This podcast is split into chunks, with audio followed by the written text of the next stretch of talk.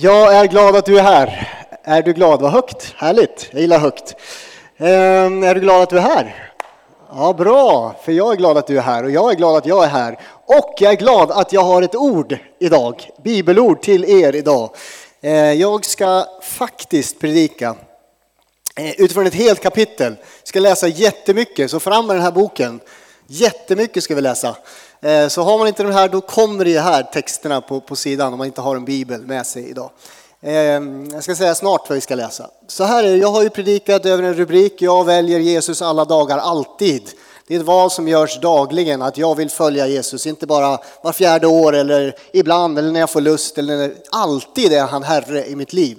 Och nu så ska jag predika över att bröd räcker inte för att välja Jesus alla dagar, alltid.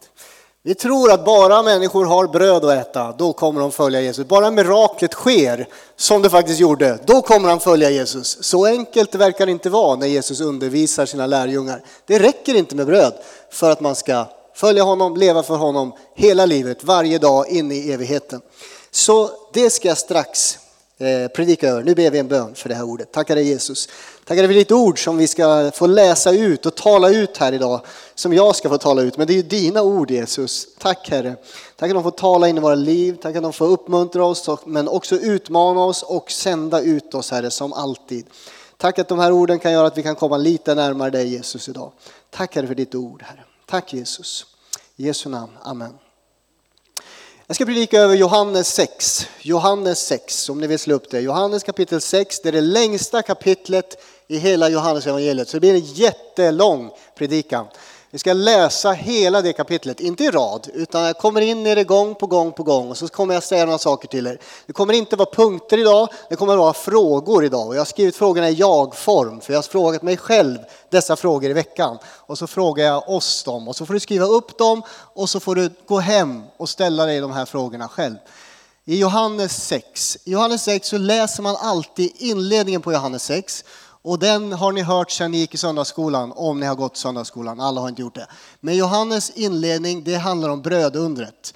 Det har ni hört talas om och jag ska läsa hela den texten först. Men det som händer i Johannes är, till skillnad från alla andra fyra eller tre evangelier, de andra tre, så alla fyra evangelier har detta under med. Och det är unikt. Eh, det är inget annat under som är med i alla fyra evangelier. Bara det att Johannes, han har en fortsättning på undret. Och det är den fortsättningen som jag vill att vi ska läsa och förstå. För den säger någonting till dig och mig idag och vårt lärjungaskap. Så vi läser brödundret och sen finns det en liten brygga där med en storm och sen kommer texten sen som vi ska gå igenom. Men jag börjar läsa. Eh, och idag läser jag faktiskt inte från Bibel 2000 utan jag läser eh, folkbibeln. Och nu ska jag svälja mitt tuggummi. Ursäkta, jag kände att det var i vägen. Så.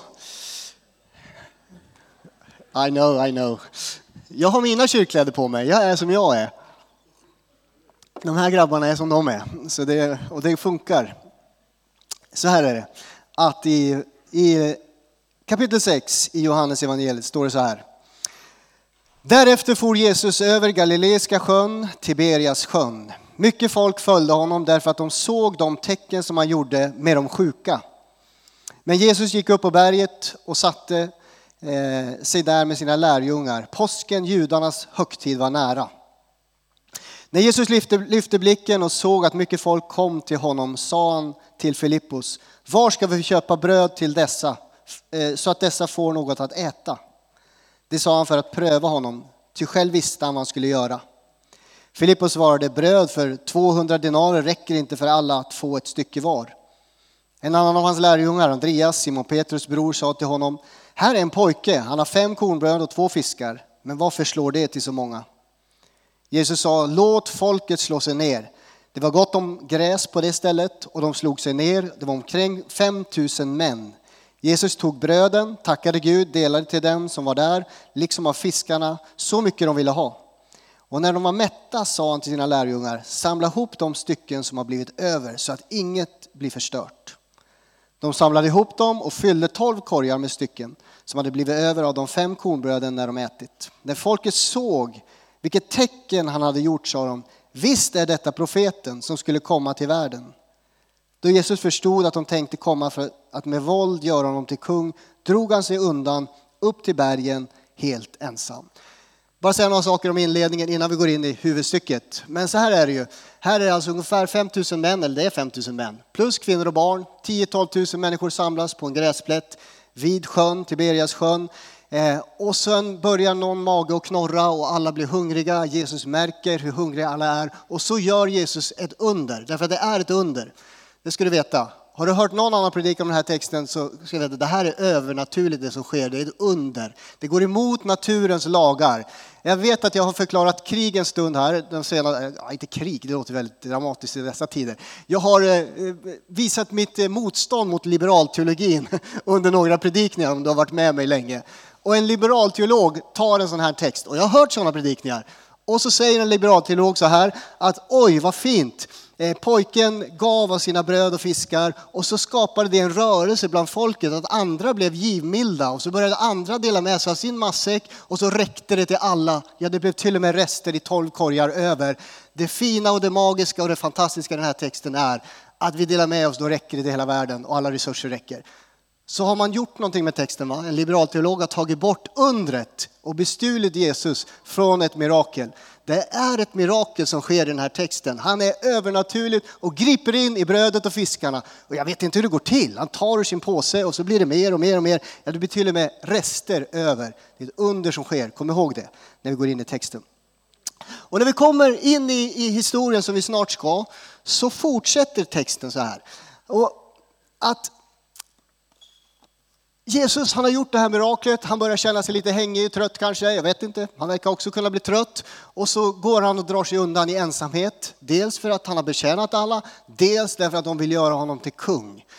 Och så drar han sig undan, natten kommer, alla somnar på ängen där och har ätit. Jag bara inbillar mig, det står inte så, men jag berättar bryggan över in i texten. Och så ger sig lärjungarna iväg, de hoppar i sin båt, ror över mot Kafarnaum, där de bor. De är alltså inte där utan de är på väg hem till Jesu eh, hus. Och så ror de över och så kommer stormen. den här stormtexten finns ju alla möjliga eh, finns ju faktiskt i evangelierna, de andra också. Jag läste om den förra veckan i Markus. Eh, men i den här stormtexten så är det lite annorlunda. Jesus är inte med i båten. Han ligger inte och sover i båten. Utan de är ensamma i båten. Jesus ser dem ro där ute på sjön. Och så kommer han på natten i mörkret gående till dem och när de ser honom blir de förskräckta. Och han säger var inte förskräckta. Och så kommer det till, alltså det är än en gång övernaturligt. Det är inte is på vattnet, han går inte på is, han går inte på brygga, han går på vattnet. Kom ihåg det. Övernaturlig Gud klarar av sådana här saker, att gå emot naturens liksom, eh, ja, naturen helt enkelt. Och han går på vattnet och så står det när han hoppar i. Det står inte att han stillar stormen i den här texten. Det står när han hoppar i båten så var de redan framme dit de var på väg. Ett under till sker. Han har gett mat till 5000. Han har gått på vattnet. Han har hoppat i båten och den har förflyttat sig i ett ögonblick från mitten på sjön kanske till stranden och så är de framme. De hoppar upp, eh, de sover en natt och följande morgon så vaknar alla dessa 10 000 människor på ängen och några av dem funderar där på ängen, var tog Jesus vägen? Och det är då vi kommer in i fortsättningen av texten. Nu ska jag hålla mig här, för annars så kommer jag tappa bort mig mycket. 5 000 män plus kvinnor och barn har fått en god måltid av Jesus och jag kallar dem för de hungriga. Jag läser, de här är hungriga människor. Det ser man hela tiden. Ge oss bröd, ge oss mat, ge oss mer. De är jättehungriga, de fyller sin mage. De är som en vanlig svensk. Vi vill äta, äta, fika, äta. Ni vet hur det är. De är hungriga. Och så vaknar de upp på ängen och undrar, var är Jesus? Och då läser vi vers 24 till 29. Står det så här.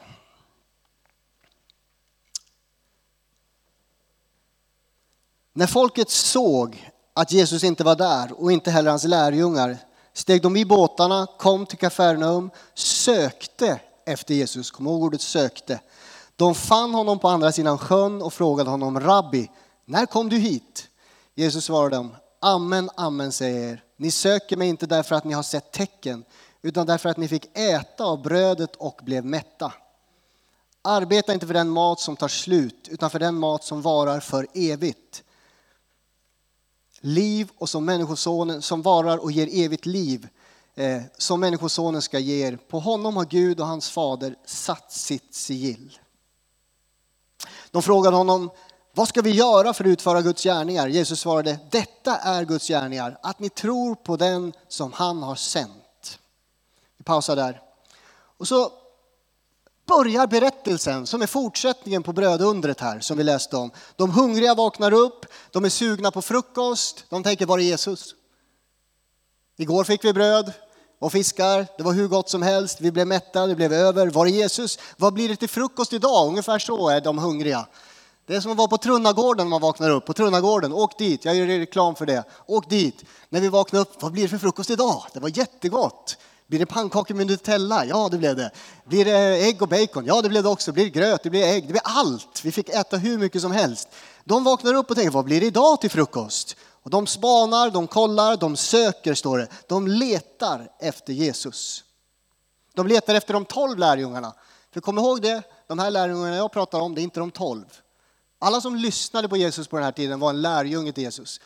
Men de tolv var särskilt utvalda av Jesus. Men alla som lyssnar på Jesus är hans lärjungar. Så de spanar efter de tolv, de hittar dem inte och tänker han bor i Kafarnaum, där finns mat. Så de hoppar i sina båtar, några av dem, jag vet inte, kanske alla 10 000. Och så, vilket liksom, ni får tänka er, över sjön, vi måste till Kafarnaum, vi måste ha mer mat. Och så ror de över för fullt, för de vill ha en gratis måltid. De är hungriga. Och så hittar de Jesus. Tja, säger de kanske. Jag har ingen aning, det säger vi i Sverige i varje fall. Tja Jesus. Mästare, rabbi, säger de. Varför lämnar du oss? Hur kom du hit? Och Jesus säger så här, och jag säger med egna ord vad, de faktiskt, vad han säger till dem. Det här är min parafras. Så här, ni söker inte efter mig därför att ni vill ha mig. Ni söker efter mig för er egen skull. För att jag gav er mat att stoppa i magen. Nu är ni hungriga igen och vill ha mer mat. Alltså han konfronterar dem med sitt ord. Han synar liksom deras motiv, deras agenda, deras drivkraft. De söker inte efter honom för den han är, utan för vad han kan ge dem. Deras passion var någonting som kan fylla deras mage. Kan jag få mer mat? Men Jesu passion var någonting som kan fylla deras ande.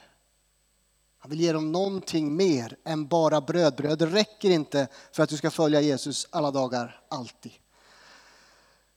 De var så hungriga för att få näring till deras kroppar, men Jesus var intresserad och han ger dem flera andliga sanningar i den här texten.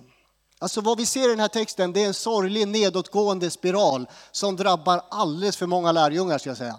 Det händer även för kyrkans medlemmar att vi går i denna spiral neråt, neråt, neråt. Det är som en brant backe utför.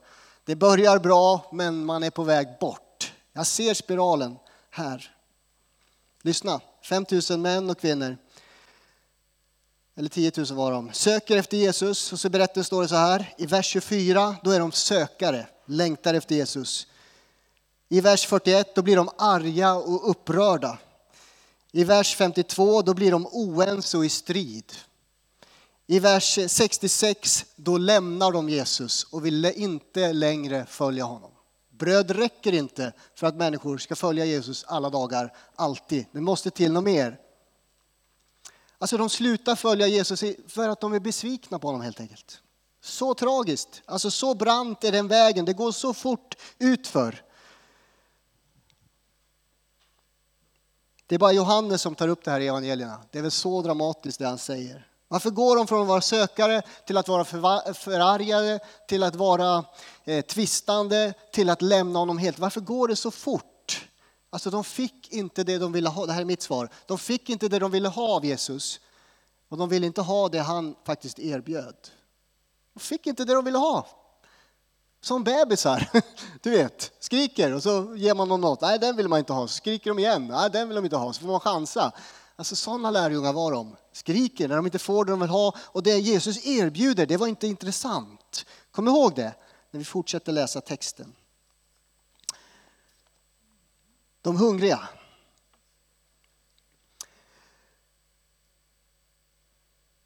Jag tänker att du är här idag och du är en sökare efter Jesus. En del har kommit hit, kanske aldrig har varit här. Du söker och Jesus söker dig. Vi hörde det vittnesbördet. Han är den stora sökaren. Han älskar dig mycket mer än du älskar honom. Han söker dig efter dig mycket mer än du någonsin kan söka efter honom. Men vi kanske har någonting i oss som gör att vi söker efter Jesus. Vi längtar efter någonting mer i livet. Jag hoppas du kan se det i Jesus här. Att få lära känna honom mer, att komma lite fördjupas i relationen med honom. Och det finns ett problem med oss lärjungar, det är inte problem med Jesus. Utan det finns ett problem med oss som gör att ibland leder det neråt, bortåt, längre bort från honom. När vi går från att vara sökare till att förargas eh, över det vi inte gillar med honom, med hans ord, med församlingen, till att vara tvistande i församlingen och strida över småsaker till att faktiskt lämna församling, Jesus och allt som har med tron att göra. Det här sker gång på gång på gång. Det är därför jag tar upp det och det finns ju här, det är Jesus som säger det, det är faktiskt inte jag. Det är jättekul att läsa ett helt kapitel för det är Jesu ord allting. Eh, och så försöker jag bara säga något däremellan, liksom lite mellanspel. Vi läser vers 28 till 30. De frågade honom, vad ska vi göra för att utföra Guds gärningar? Jesus svarade, det är ju ganska intressant, vad ska vi göra? Där frågar man sig ibland, vad kan vi göra Gud mer för dig? Och så sa han, detta är Guds gärning, att ni tror. Tror på den som han har sänt. Alltså ordet tror, det är, det är ganska det betyder så mycket. Det betyder alltså att ni troget håller honom, er till honom egentligen. Till han som han har sänt. De sa till honom, vad gör du för tecken? Det här är jätteroligt. Vad gör du för tecken så att vi kan se det och tro på dig? Vad kan du göra Jesus? Ja. Och så fortsätter berättelsen. Alltså intressant fråga. Vad ska vi, vad ska vi, vad kan du hitta på Jesus? Vad kan du utföra så vi möjligtvis kan tro att du är från Gud? Vad kan du göra? Kan du prestera någonting för oss idag så vi kan tro på dig? Alltså ursäkta mig, igår, det var inte 2000 år sedan, det var inte i förrgår eller det var inte flera veckor sedan eller år sedan, det var igår gjorde han ett under. Med fem bröd, två fiskar som räckte till 10 000. Ändå frågar de dagen efter, ni förstår hur tröga man är ibland till tro. Dagen efter frågar de, vad kan du göra, vad kan du utföra Jesus? Så att vi kan tro på dig.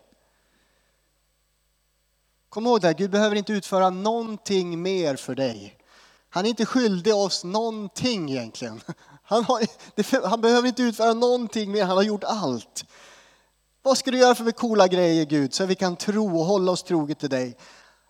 Hade han inte gjort tillräckligt? Men det var ju igår, det var ju länge sedan. Vad ska du göra idag Jesus, så att jag kan tro på dig? Alltså, innan jag blir lite sur på de här lärjungarna och kritiserar dem för mycket så vi utmanar oss själva. Här kommer första frågan. Hur många gånger har Jesus verkat i mitt liv? Men jag glömmer att uppskatta det därför att jag är redan på väg in i någonting nytt som han ska göra för mig där framme. Hur många gånger har Jesus verkat i mitt liv? Men jag glömmer att uppskatta det och tacka. För jag är redan på väg i något som ska hända för mig där framme. Det finns en tid att stanna upp och vara tacksam.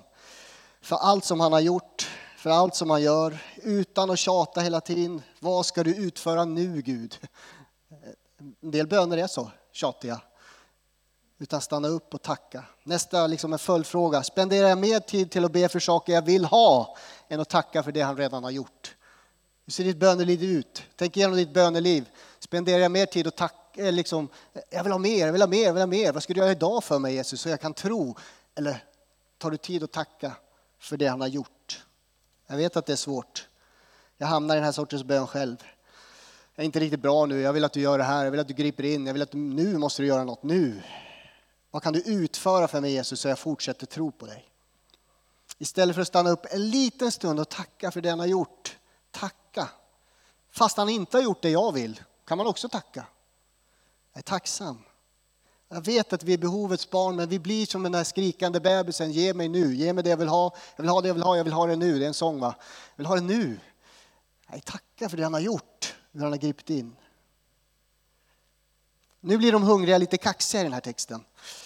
Och fortsätter här, vers 31. Våra fäder, de börjar prata om en helt annan tid, typ 1400 år tidigare. Nej, 1000, jo, Ja, ni får gå och slå upp det där i, i kronologisk ordning sen. När uttåget ur Egypten och allt det där och ökenvandringen. Ja, typ 1300, 400, jag vet inte. 1400, vi säger så. Eh, nu går vi vidare. Eh, vers, eh, vers 31 står det så här. Våra fäder fick äta manna i öknen så som det står skrivet. Han gav dem bröd att äta från, eh, gav dem bröd från himlen att äta. Då sa Jesus till dem, amen, amen säger, det är inte Mose som har gett er brödet från himlen. Det är min fader som ger det sanna brödet från himlen. Guds bröd är det bröd som kommer ner från himlen och ger världen liv. De sa till honom, Herre ge oss alltid det brödet. Jesus svarade, det tar vi sen, jag går vidare, vi stannar där. Alltså det de säger helt enkelt, våra fäder fick bröd från himlen, Mose gav dem manna, men Jesus han klargör vissa saker här. Det var inte Mose som gav er manna, har ni inte fattat texten? Det var min fader i himlen som gav er manna. När ni vandrade 40 år i öknen matade han er varje dag och gav er allt ni behövde och mötte alla era behov. Nej, de börjar prata om Mose. De hungriga de, de blir lite kaxiga och säger okej, okay, men varför ger du inte oss det brödet? Varför ger du inte oss det, Jesus?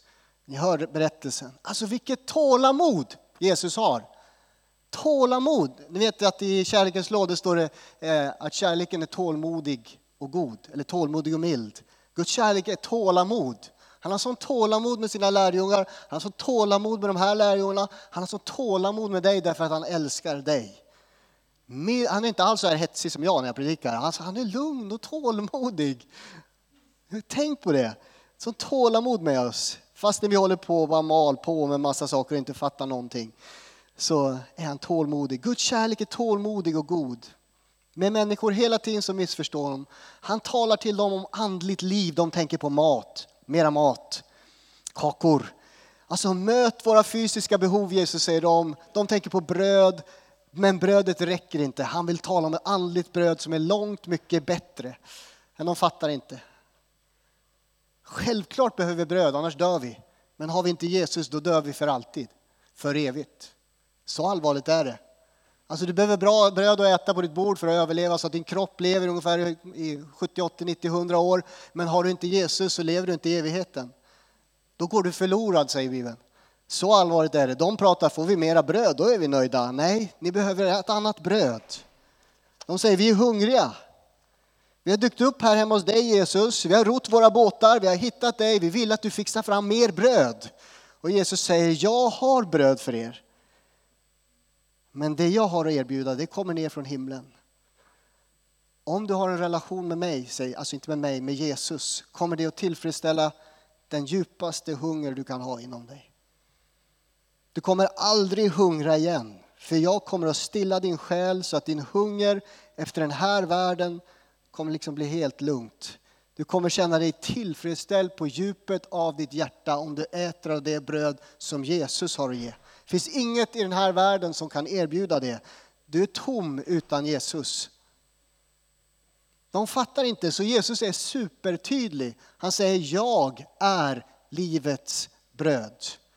Ibland är vi lite långsamma att fatta. Vi är som ett gäng blondiner som inte förstår. Okej, okay? det, var för, okay, det var för mycket, jag märkte det. Okej, okay. men är du blond då förstod du ändå inte. Så det är lugnt. Nej, förlåt, jag är också blond, eller jag har inget hår på... Nej, vi går vidare, vi läser texten, vers 35 till 42. Blondinskämt, inte i predikstolen. Okej, eh, vers 35. Vi kör på. Jesus svarade, jag är livets bröd. Den som kommer till mig ska aldrig hungra och den som tror på mig ska aldrig någonsin törsta. Men jag har sagt er, ni har sett mig och tror inte. Alla som Fadern ger kommer till mig och den som kommer till mig ska jag aldrig någonsin kasta ut. Ty jag har inte kommit ner från himlen för att göra min vilja utan hans vilja som har sänt mig. Och detta är hans vilja som har sänt mig, att jag inte ska förlora någon enda av alla dem som han har gett mig, utan jag ska låta dem uppstå på den yttersta dagen talar om evigheten. Ty detta är min faders vilja, att var och en som ser sonen, tror på honom, ska ha evigt liv. Och jag ska låta honom uppstå på den yttersta dagen. Judarna var mycket förargade, märker ni? Nu börjar de bli arga. De kom ju, de hungriga för att få mat, de sökte, nu börjar de bli arga. Judarna var mycket förargade över det han hade sagt. Jag är det jag är, att han hade sagt, jag är det bröd som har kommit ner från himlen. De sa, den här Jesus, är inte han Josefs son? Och känner inte vi hans far och mor? Hur kan han då säga, jag har kommit ner från himlen?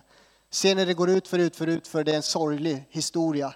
Det här händer i våra församlingar, i våra liv också. Vi läste i början av texten, de förundrades över, är inte han profeten sa de. Vi gör honom till kung när han har gjort det här under. Nu kommer de, ja men vi känner ju hans farsa och mamma. Han kan väl inte komma med något. Vi känner ju vem han är. Helt plötsligt har han gått från profet och vi gör honom till kung till att vara bara, ja men det är bara vara Josefs grabb. Inget märkvärdigt med honom. Och de blir förargade. De går från sökare som förundras och vill ha mer av honom till att bli irriterade, arga och börja gnälla på honom. Varför då? Jesus har inte utfört något för dem idag. Nej, ingenting idag. Fick ingen frukost. Fråga två. Är Jesus fortfarande Herre i mitt liv? Även om han inte gör allt jag vill att han ska göra. Är han fortfarande Herre i mitt liv? Ni går ju med det på era ryggar. Jesus is Lord. En bra fråga att ställa sig. Är han fortfarande Herre i mitt liv även om han inte alltid gör det jag vill att han ska göra? Det handlar alltså om vem som är Herre i ditt liv hela tiden. Är han Herre? Är han kung när han gör vad jag vill? Eller är han alltid Herre och kung och mästare? Alla dagar, alltid i mitt liv. Ställ dig den frågan. Är han Herre och vad betyder det? kan man också sitta och fundera över i hemgrupperna till exempel. Vers 43. Jesus svarade, var inte så upprörda. Var inte så upprörda. Det börjar bli liksom dålig stämning. Ingen kan komma till mig om inte Fadern som har sänt mig drar honom och jag ska låta honom uppstå på den yttersta dagen. Jag pratar om det tre gånger nu. kommer en annan tid. Det står skrivet hos profeten, de ska alla bli undervisade av Gud. Var och en som har lyssnat till Fadern och lärt av honom kommer till mig. Inte så att någon har sett Fadern utan han som är från Gud, han har sett Fadern. Amen, amen säger den som tror har evigt liv. Jag är livets bröd. Era fäder åt manna i öknen och de dog. Men det bröd som kommer ner från himlen är sådant att den som äter av det inte ska dö. Jag är det bröd som ger liv, det bröd som kommer ner från himlen. Den som äter det brödet ska leva i evighet. Och brödet jag ger är mitt kött för att världen ska leva. Judarna började tvista med varandra och säga, hur kan han ge oss sitt kött att äta? Bra fråga egentligen. Men de började tvista med varandra. Nu är de inte längre bara upprörda och förargade. Nu börjar de tvista med varandra och strida. Vad menar han egentligen? Nu säger han ord som skapar förvirring. Vi förstår inte. Så börjar de tvista.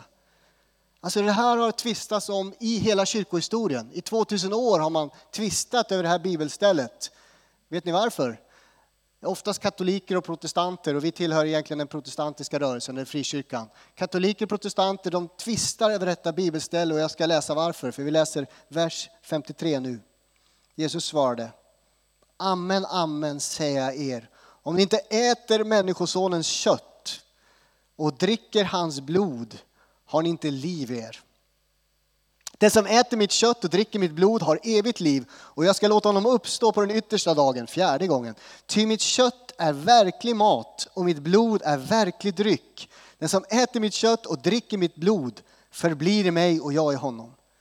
Liksom den levande Fadern har sänt mig och jag lever och jag ska fortsätta. Nej, hur långt har jag kommit? Jo, jag fortsätter. Liksom den levande Fadern har sänt mig och jag lever därför att Fadern lever, så ska också den som äter mig leva därför att jag lever.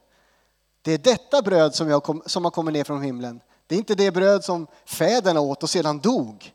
Den som äter detta bröd ska leva i evighet.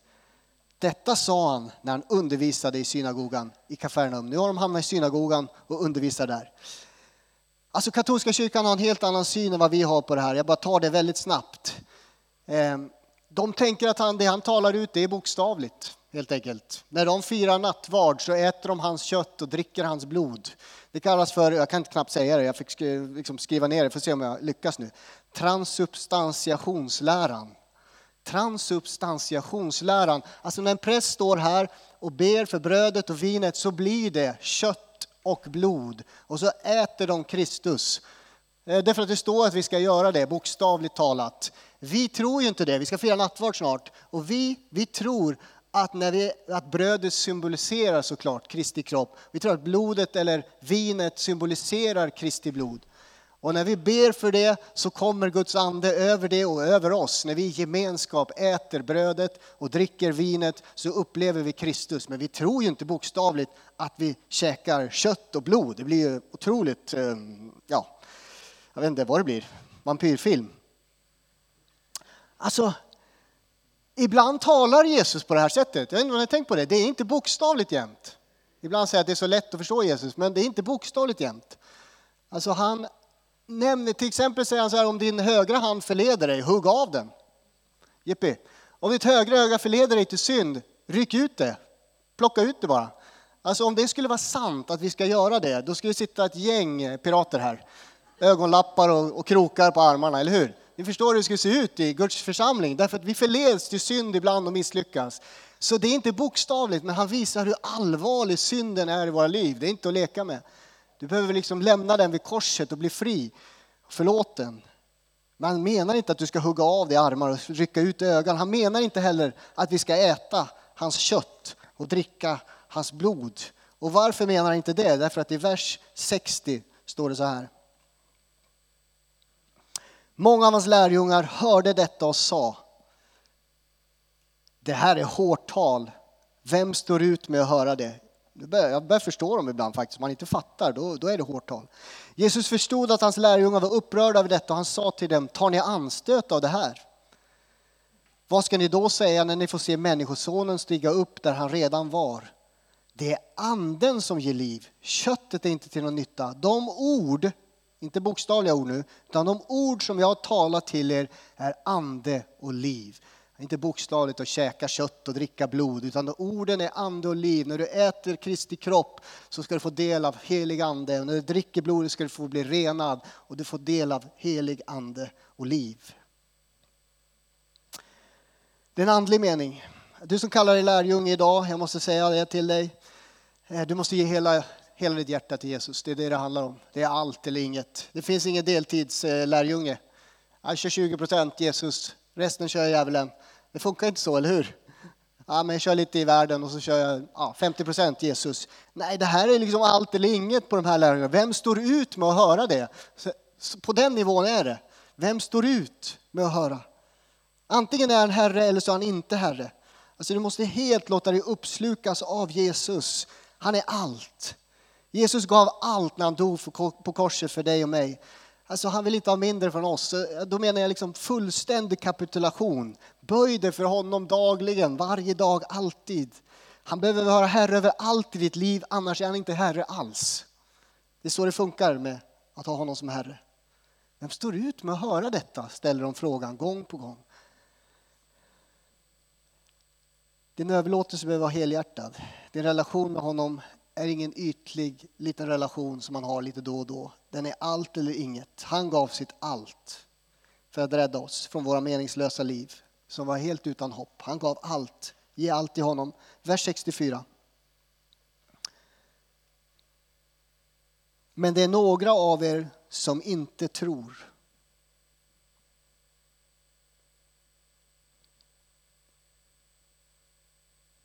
Jesus visste från början vilka som inte trodde och vem det var som skulle förråda honom. Han sa vidare, därför, jag har sagt, därför har jag sagt er att ingen kan komma till mig om det inte blir honom givet av Fadern. Efter detta, nu har de fått nog, drog sig många av hans lärjungar tillbaka så att de inte längre följde honom. De har gått från sökare till att vara förargade, irriterade, till att börja tvista med varann om läran om Jesus, till att inte längre följa honom. Spiralen har gått ut för, nerför, bort från Jesus. Ironi här också, Johannes 666. Efter detta drog sig många av hans lärjungar tillbaks så att de inte längre följde honom. Djävulens eller människans tal. Det är ju bara en tillfällighet, men jag bara tänkte på det när jag läste det. Men de drar sig undan från honom, vill inte ha med honom att göra längre. De går från sökare till klagande, tvistande, till sist lämna honom. Det här handlar alltså inte om de tolv lärjungarna, utan alla de där andra som var där runt Jesus. Tredje frågan, söker jag Jesus för den han är eller för vad han kan ge mig? Söker jag alltså hans ansikte för jag bara vill vara med honom i hans strålglans, i hans närvaro, tillsammans med honom, eller för hans hand. Vad kan du ge mig idag Jesus? Lite liknande fråga att gå igenom. Alltså, mycket av vår bön ska inte vara förbön för alla saker jag vill ha eller alla människor ute i världen. Mycket av vår bön ska vara i hans närvaro, i hans strålglans, söka hans ansikte. Jag vill se dig Jesus, jag vill ha mer av dig Jesus. Det är liksom eh, mycket, stora delen av en lärjunges böneliv. Inte en massa begärande bön. Du får begära hur mycket du vill. Men det handlar om att vara i hans närvaro. Söker jag Jesus för den han är eller för det han kan ge mig? Som avslutning, snart har vi läst hela kapitlet. Och ni är ännu med mig, det är fantastiskt. Ingen har gått än kanske. Jag tittar ju ner ibland. Nu ska vi se, vers 67 ska vi läsa. Jesus sa därför till de tolv, inte vill väl också ni gå bort? Simon Petrus svarade honom, och det här är fantastiska ord. Herre, till vem skulle vi gå? Du har det eviga livets ord och vi tror och förstår att du är Guds helige. Jesus svarade, har jag inte själv valt ut er tolv och en av er är en djävul? Han menade Judas, Simon Iskarios son. Det var han som skulle förråda honom och han var en av de tolv.